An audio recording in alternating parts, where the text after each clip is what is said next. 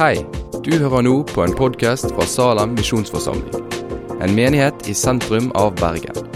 Vil du vite mer om oss eller komme i kontakt med oss, gå inn på salem.no. Kjære Jesus. Har døra høg. Har porten vid. Så du, konge, kan få komme inn i hjertet med dine ord. Vi skal lese teksten din. Jesus begynte igjen å undervise folket nede ved sjøen. Det samlet seg en så stor folkemengde omkring ham at han måtte gå ut i en båt og sitte i den ute på sjøen, mens hele folkemengden sto på land helt nede til vannkanten. Han underviste dem om mange ting og la fram sin lære i lignelser. Hør, sa han. En såmann gikk ut for å så, og da han sådde, falt noe ved veien, og fuglene kom og tok det. Noe falt på steingrunn, hvor det var lite jord, og det skjøt straks i været fordi jordlaget var tynt. Men da solen steg, ble det svidd og visnet fordi det ikke hadde fått slått rot. Noe falt blant tornebusker, og tornebuskene vokste opp og kvalte det, så det ikke bar frukt. Men noe falt i god jord.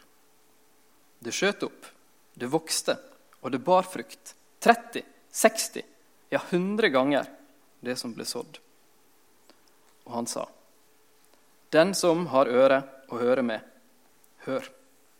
Da han var blitt alene med de tolv og de andre som var med ham, spurte, spurte de ham om lignelsene, og han svarte.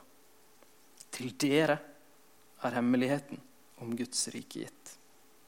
Men til dem som er utenfor, blir alt gitt i lignelser. For at de skal se og se, men ikke skjelne. Høre og høre, men ikke forstå. Så de ikke vender om og får tilgivelse. Og han sa til dem, når dere ikke forstår denne lignelsen, hvordan skal dere da forstå noen annen lignelse? Såmannen sår ordet. De ved veien er slike som ordet blir sådd i. Men når de har hørt det, kommer straks Satan og tar bort det ordet som ble sådd i dem. På samme måte er det med dem som ble sådd på steingrunn.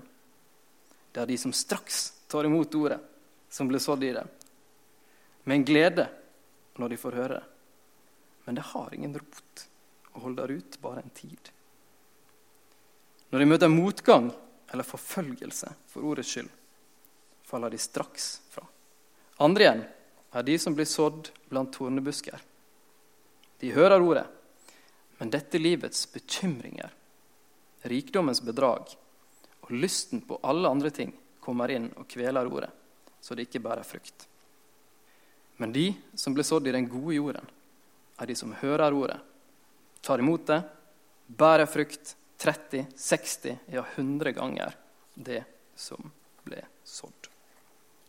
Jeg kjenner Jesus fra alle taler og fortellinger som den som ønsker at alle skal kjenne Guds nåde. Såmannsteksten sjøl er et glimrende eksempel på akkurat dette. Men midt oppi dette avsnittet, midt imellom lignelsen og forklaringa, så dukker det opp et eller annet som river i meg. Og jeg vil trippe at du hører litt på samme viset. For at de skal se og se, men ikke skjelne. Høre og høre, men ikke forstå. Hva er dette for noe? For det første så kommer Jesus med en lignelse. Denne lignelsen har et budskap som går dypere enn det lignelsen handler om. Den handler ikke om jordbruk. Og den er i første omgang et speil. Du som hører lignelsen, du hører noe som du kjenner deg igjen i. Og hvis vi snur dette speilet litt, sånn at det peker oppover, så ser vi noe av Gud i det. Lignelsen inneholder et mysterium. Hva er dette såkornet? Men så ligger det nesten et mysterium for min del også i det som er mellom lignelsen og forklaringa. Hva er det du sier, Jesus? Har du en bevisst plan på å bruke et språk som folk ikke skal forstå? Presenterer du sannheten sånn at noen skal skjønne det, og andre ikke? Og for mange av de som hørte denne lignelsen, så ga ikke denne mening. Det ser vi på at de fulgte ikke Jesus. De behandler han intellektuelt. Ja, dette der handler om den typen folk, dette handler om den typen folk, og dette handler om den typen folk. Så distanserer de seg, seg fra det og tar ikke lignelsen inn på jakt etter den dypere meninga i det. Tenker barnehistorie. Ikke interessert i dette her. Dette blir for enkelt. Og Dermed så sorterer Jesus på en måte tilhørerne sine i måten han snakker på. Foran han så står der masse folk. Noen har hørt om Jesus. De vet f.eks. at denne fyren her han kan mette 5000 folk, foruten kvinner og barn. Formuleringer der kan vi snakke om en annen gang. Eh, han kan helbrede syke. Han kan masse. Han kan gi meg masse. Selvfølgelig vil jeg høre på han her. Der er masse i det for min del. Og så er det mange som kommer fordi naboen skulle. Og når alle andre går en plass, hvor blir du han da? Da sitter du selvfølgelig hjemme og leser i Bibelen. Du følger med. Du går dit. Men det er også de som kommer fordi de vil ha Jesus. De kommer fordi de vil kjenne Gud. Mye av det samme skjer her i kveld. Vi kommer av ulike grunner. Dere som kommer fordi jeg skal utrette mirakler. Feil dato. Kristian neste helg. Om du er her fordi at alle andre går her, jeg vet ikke. Eller om du er her fordi du har et inderlig ønske om at Gud skal møte deg. La resten av kvelden og talen være en bønn om at Gud faktisk skal møte. Om at Gud skal åpenbare sitt ord, uansett hvordan du kom inn hit i dag. Men Jesus ønsker ikke bare å si noe klokt. I hele sin tid på jorda brukte han mye tid på å fortelle om Guds rike. Før vi forteller om Guds rike, så må vi spørre hva er et rike. Har du tenkt over det? Nei vel, jeg har kjempa med det. Du kan spørre Ole Kristian som spiller bass etterpå, om jeg har kjempa med hva et rike er for noe. Vi kan prøve å si det enkelt. da. Det er, enkelt, det er å ha makt i et område. Noen har makten, andre blir herska over. Men hva er Guds rike? Er ikke det et av de ordene vi hører mest med, som vi minst klarer å sette fingeren på? Det er lov å si ja eller nikke. Jeg ser dere alle. Jeg ser til og med hvor terna dere er blitt i dag. Det vi veit om Guds rike, er at når Jesus blir født, kommer til jorda, går rundt, taler, gjør sin under, dør står opp, så kommer Guds rike til jord.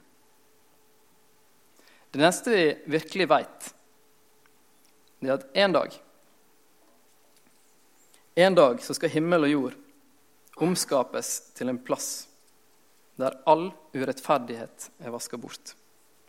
Der sykdommer ikke engang er et minne, og tårer gråtes kun av glede.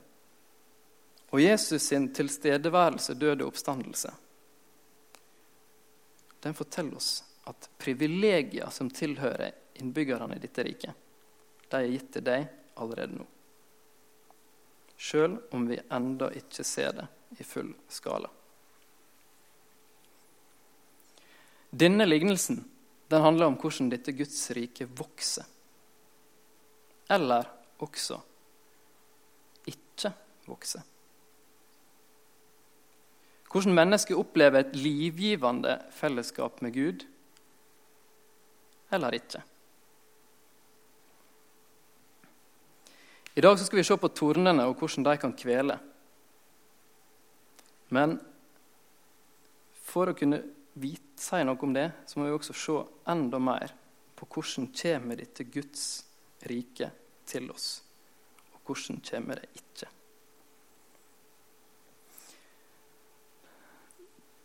Ti sekunder historie for å forklare det. Når Napoleon hadde inntatt en by eller et land, så fantes det to typer mennesker der. De som var i hans rike under hans makt. Og den andre gruppa er døde folk. Du kan ikke la være å merke at det kommer, fordi det er overveldende. Og du kan ikke nekte det. Men Guds rike er annerledes.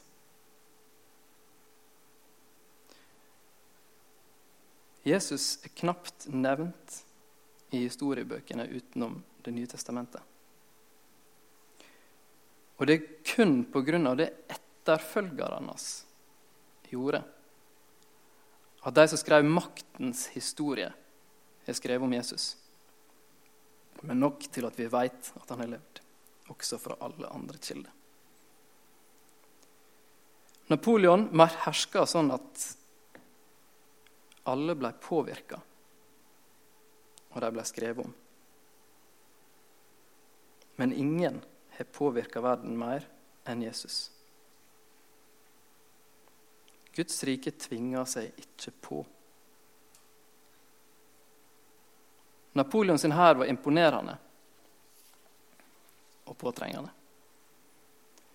Men hele systemet hans, hele riket hans, kollapsa når det trykket ikke lenger kunne opprettholdes. Det fins et bilde av Jesus som dere sikkert har sett før. Men når vi snakker om såmannslignelsen, så er ikke dette her bare et bilde på Jesus, det er også et bilde på ei dør. Han banker på døra. Og jeg tror du som meg erfarer at det er ekstremt sjeldent at den bankinga er veldig tydelig. Og kanskje kan vi bare huske noen få ganger at den bankinga har vært overveldende. En stille tapping. Og det er ingen hank på utsida. Det heter ikke hank. Dere skjønner hva jeg mener. Vi har i hvert fall ingen innbruddsknapp. Og han tvinger ikke seg inn. Og uten fri vilje så kunne ikke vi vært skapt i Gud vilje.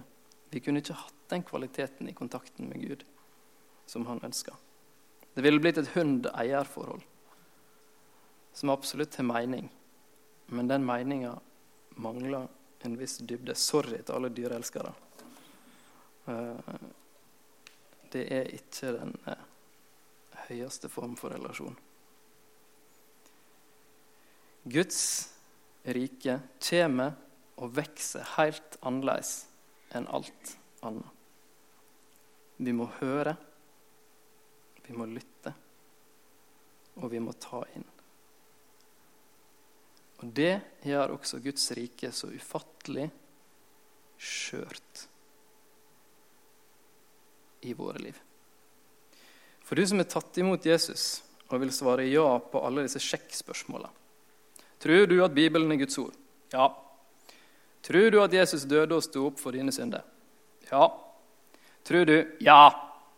Dere tar poenget, ikke sant? Å bli frelst er å ta imot ordet. Ta imot ordet som er Jesus, og det mister ikke uten videre. Om du er på båten til himmelen, så faller ikke du av båten, men du kan falle på båten og tilbringe hele turen på sykestua.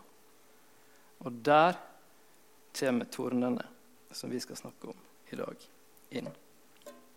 For i vårt livsåker så vokser det torner. Det er peisfullt av ting som hindrer Guds rike i å vokse. Det er normaltilstanden.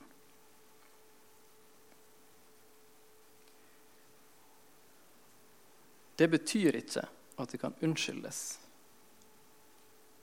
sjøl om det er en normaltilstand. For det er like ødeleggende for et sant forhold mellom deg og Gud, mellom deg og meg, og forholdet til deg sjøl.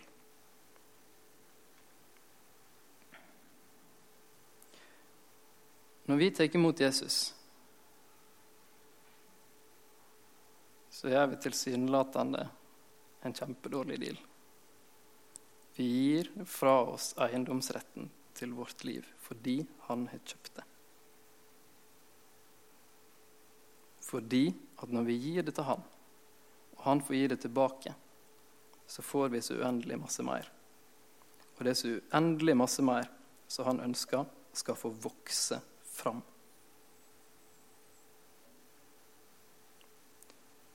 Hva er det som kveler? Hva er det som hindrer veksten av det som er sant og godt i ditt liv? Hva prioriterer du? Opplever du at det er TV-seriene dine? Opplever du at det er hobbyene dine, kanskje? Er det karriereambisjonene dine? De verste tornene er ofte gode og rette ting på feil plass. Guds gode gave som vi posisjonerer foran hans stemme. Det står, men dette livets bekymringer, rikdommens bedrag og lysten på alle andre ting kommer inn og kveler ordet, så det ikke bærer frukt.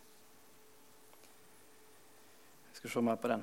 Men før det så skal vi lære av Han som Jesus kalte det største mennesket, født av noen kvinne.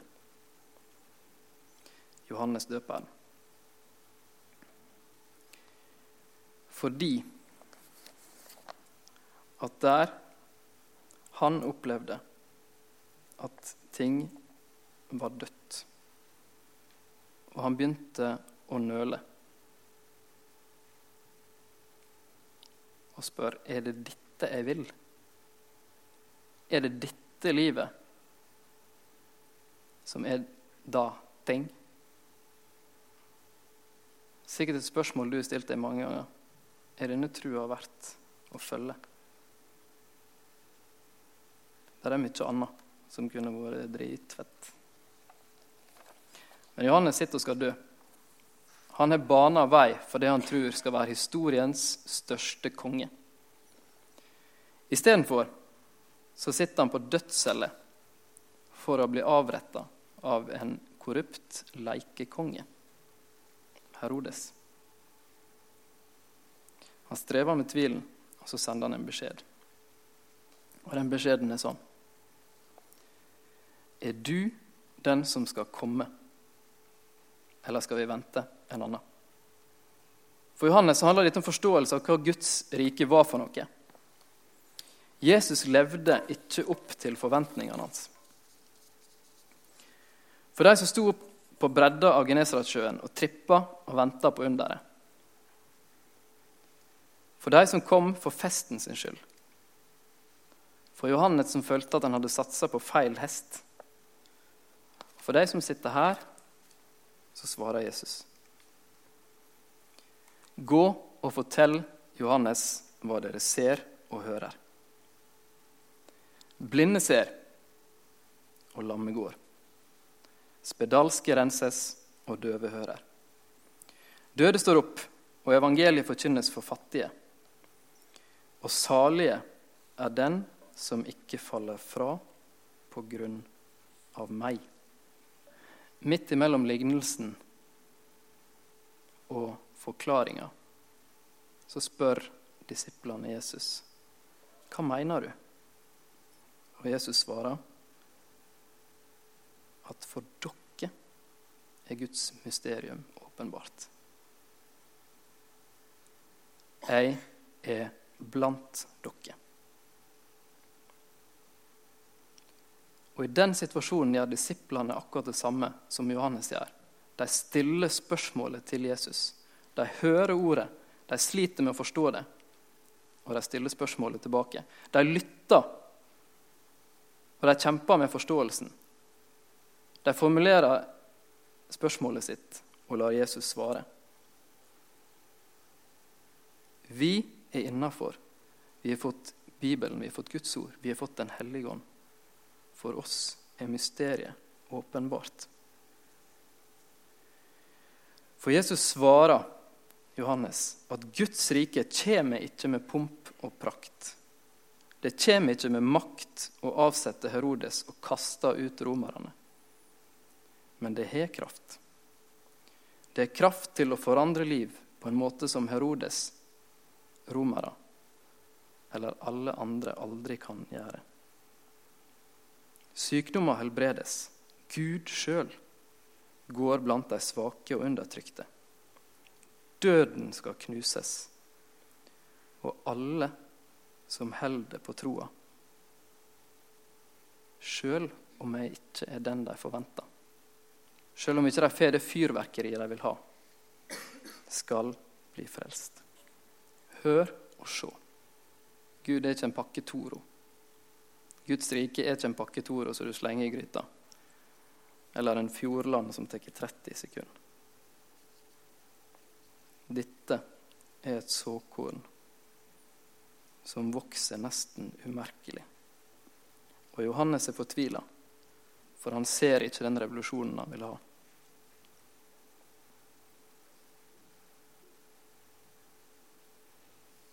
Hører vi? For det første tar vi oss tid til å stille spørsmålet. Gud, hva gjør du? Hvem er du? Og tar vi oss tid til å lytte. Hva er det vi lar komme først?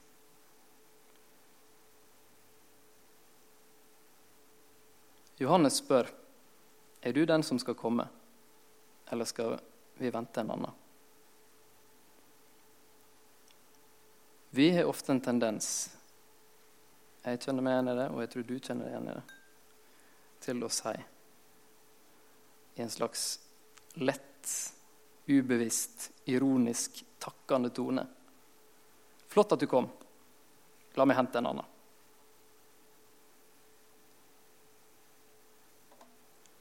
For kongen kommer, men denne kongen kommer ydmykt. Og derfor er vi ikke fornøyd. Hvor mange av de som vifter med palmegreinene på palmesøndag, holdt like fast på håpet på torsdag?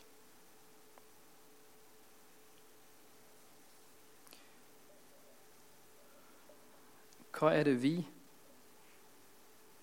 bygger livet på? Hva er det som får vokse i denne åkeren som kalles livet vårt? Hva er det vi lar holde oss oppe? Bli med på et litt sånn halvkleint eh, forklaringseksperiment. da. Tenk på ordet 'underholde'. Underholde når du løfter handa di opp sånn og kikke opp igjen.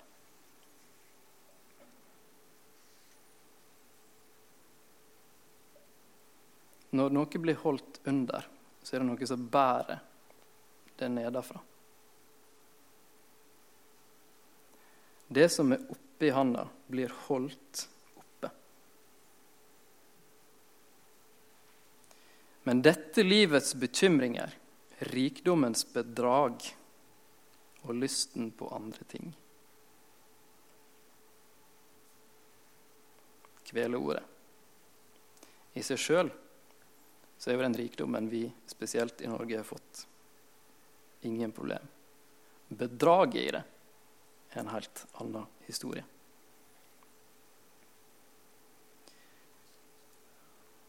Baserer du din trygghet på en plan om at du skal sikre framtida di? Alle de tinga du har lyst på, som en bare må kjempe for å få fatt i? En litt flåsete beskrivelse av vår tid den går sånn. Det finnes to typer folk. Det er de som kjeder seg, og det er de som kjemper desperat for å slutte å kjede seg. Og som lar seg underholde av alt som kommer i deres vei.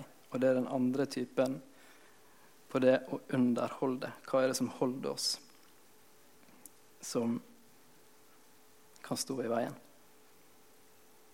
Og Før vi får piggene ut, eh, hvis ikke du allerede har fått det ut, eh, så trenger vi å koble av. Vi trenger å lese gode bøker, se fine bilder, eh, nyte gode filmer. Men hvor lenge kan de bære livet ditt? Bak alle duppedingser, bak alle ting som vi tror vi trenger, så står det noen som ønsker å holde under livet vårt for penger og makt. Um, og Grunnlaget for at tordene skal vokse i livet vårt, er massivt. Alt som roper etter din oppmerksomhet, og som du gir oppmerksomhet, kan hindre Guds rike å vokse fram. Og hvor bærbart er det? Hvor bærekraftig er det? For Guds rike er så stillegående at vi må lytte. Guds rike legger jorda under seg. Ikke ved trykket som tvinger alle, men ved at den som er aller, aller mest makt, underordner seg din vilje til å bli omskapt. Jesus veit at påtrengende makt kan vinne kne. Kroppen kan bøye seg, men ikke hjertet. Gud veit at jakter du på sirkus i dag, så vil du jakte på sirkus i morgen. Og hvis ikke Jesus sier det, så vil du jakte på noen andre sitt sirkus. Men Jesus holder igjen makta. Han holder igjen sirkuset. Og Pilatus dømmer han til døden, så står han i stillhet. Selv om at det blir som at en mygg skal drepe en elefant med et massivt bitt. Og det går jo ikke. Og selv om denne kraften som er Jesu oppstandelse, overgår alt vi kan fatte, så gir han oss denne krafta stadig på samme måte. Han gir avkall på å kreve å bli hørt. Men likevel så sår han ordet om hvem han er, til alt og over alle.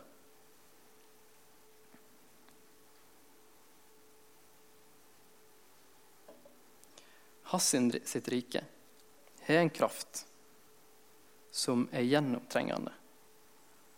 Den trenger seg ikke på. Men med tid og over tid så er det en kraft til å bære, til å virkelig underholde. Både med varig liv og latter. Og den tida som Jesus beskriver, for denne lignelsen handler også om ei tid Det er den tida som vi vet noe om Guds rike i. Det er når det kommer med Jesus, og fram til det kommer i full skala med en nyskapt himmel og en ny jord. Og det skal sås, og det skal høstes millioner av ganger. For Gud sår raust. Men han, for oss som har tatt imot, og for alle andre, så krever han ikke å bli hørt. Men Guds rike vokser bare der det blir hørt. Så vårt valg, ditt valg, handler om nettopp det her. Hva ønsker du at dette riket skal gjøre i ditt liv? Hva slags resultat ønsker vi å se av å tro på Jesus? Ønsker vi at det skal være halvveis? Eller ønsker vi at så mange som mulig av de som vi er glad i, av de som vi kjenner, skal få møte den Jesus som du enten mange ganger eller noen ganger har fått sett i noen sånne klare glimt, at du skjønner at faktisk dette her er sannheten. Og selvfølgelig ønsker vi at dette riket skal vokse videre. Det ønsket legger Den hellige ånd ned i oss. Og utfordringa i kveld Høres ut som Og utfordringa i kveld. Utfordringa i hele livet med Jesus er den her. Ta den fremste torna som vokser i åkeren. Nemlig denne illusjonen om at du eier all din tid, og du må bruke den på deg sjøl så masse som du kan. Og ta den med til Jesus. Lytt til Bibelen. Bruk tid i bønn. Sett ord på det du hører, for da skapes også et fellesskap med flere enn bare eh, Bibelen og det andre. Vi får ikke et riktig og sant bilde av Gud før vi lytter til alle de helliges erfaringer, for å parafrasere Paulus. For da kan Jesus vise oss evangeliet. At du bommer mye mer på målet for livet ditt enn du noen gang ville trodd. Men at den allmektige har vist deg så mye mer nåde enn du noen gang turte å håpe på. Og der så kan Gud fortsette det stille, transformerende livet i deg. Der kan Guds rike, som vi syns er vanskelig å definere, men som vi veit hvor det begynner, og vi veit hvor det slutter, og vi veit også litt hvor det vokser. Det vokser der Guds stemme får tale. Får tale. For Jesus er nesten alltid ikke påtrengende. Og de gangene han kan gi gass og overvelde, er få. Guds rike vokser når vi lytter. Og får se hvor gjennomtrengende og transformerende det er. Og vi får se at Gud rydder i åkeren, sakte, men sikkert. Og da får vi se, for Bibelen sier det, at blinde ser, at lamme går, at spedalske renses, døve hører, og en dag døde står opp. Og evangeliet forkynnes for alle, fordi folk får høre gjennom det livet som skapes i deg og meg. Vi trenger den stillheten. Vi trenger at Gud får tale. Og vi trenger kraften sjøl til bare det lille steget. Dere finner forbønn i kafeen. Enten fordi du kjenner på det desperate behovet, eller du bare tenker at nei, vet du hva. La meg komme på plussida med en gang. Jeg er inne i en god stim i mitt åndelige liv, men jeg trenger stadig forbønn for det Jesus jeg trenger. Det er fellesskapet vi trenger. Og så kommer alt det andre etterpå. Og vi får det tilbake, og det blir dobbelt så gøy.